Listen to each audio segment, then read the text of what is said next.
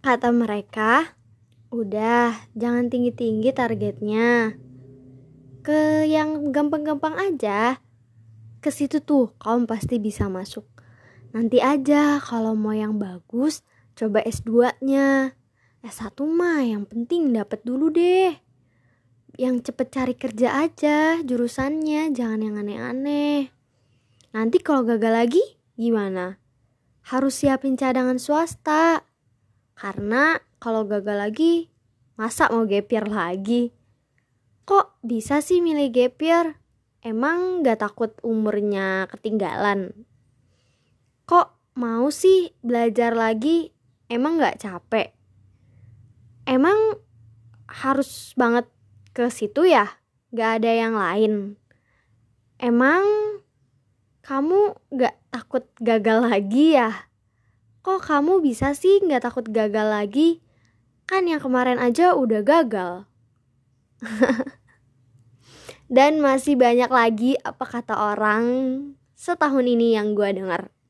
Yang pasti banyak hal yang gak bisa gue ceritain karena emang duh udah terlalu numpuk dan gue udah banyak melupakan. Yang gue ambil pelajarannya adalah semoga kita nggak mati cuman karena omongan orang. Semoga kita nggak berhenti cuman karena orang ngeraguin kita, cuman karena orang bilang kita nggak bisa.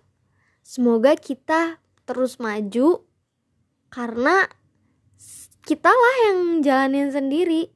Orang itu cuman komentar. Kalau kamu gagal, kamu diapresiasi.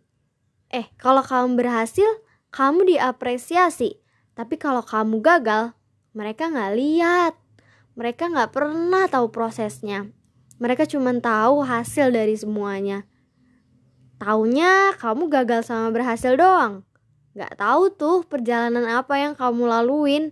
Sakitnya kayak gimana, belajarnya kayak gimana, bangun pagi-paginya kayak gimana, nangis tiap malamnya kayak gimana, ngerasa insecure-nya kayak gimana, stresnya kayak gimana, bahkan kamu mau mati, kamu mau nggak ada di dunia ini kamu merasa nggak berguna kamu merasa paling nggak berharga kamu merasa kayaknya besok gue hilang enak deh.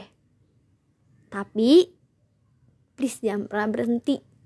Jangan pernah berhenti cuman karena omongan orang. Jangan pernah berhenti cuman karena orang ngeraguin kita. Kita yang akan ngejalanin sendiri.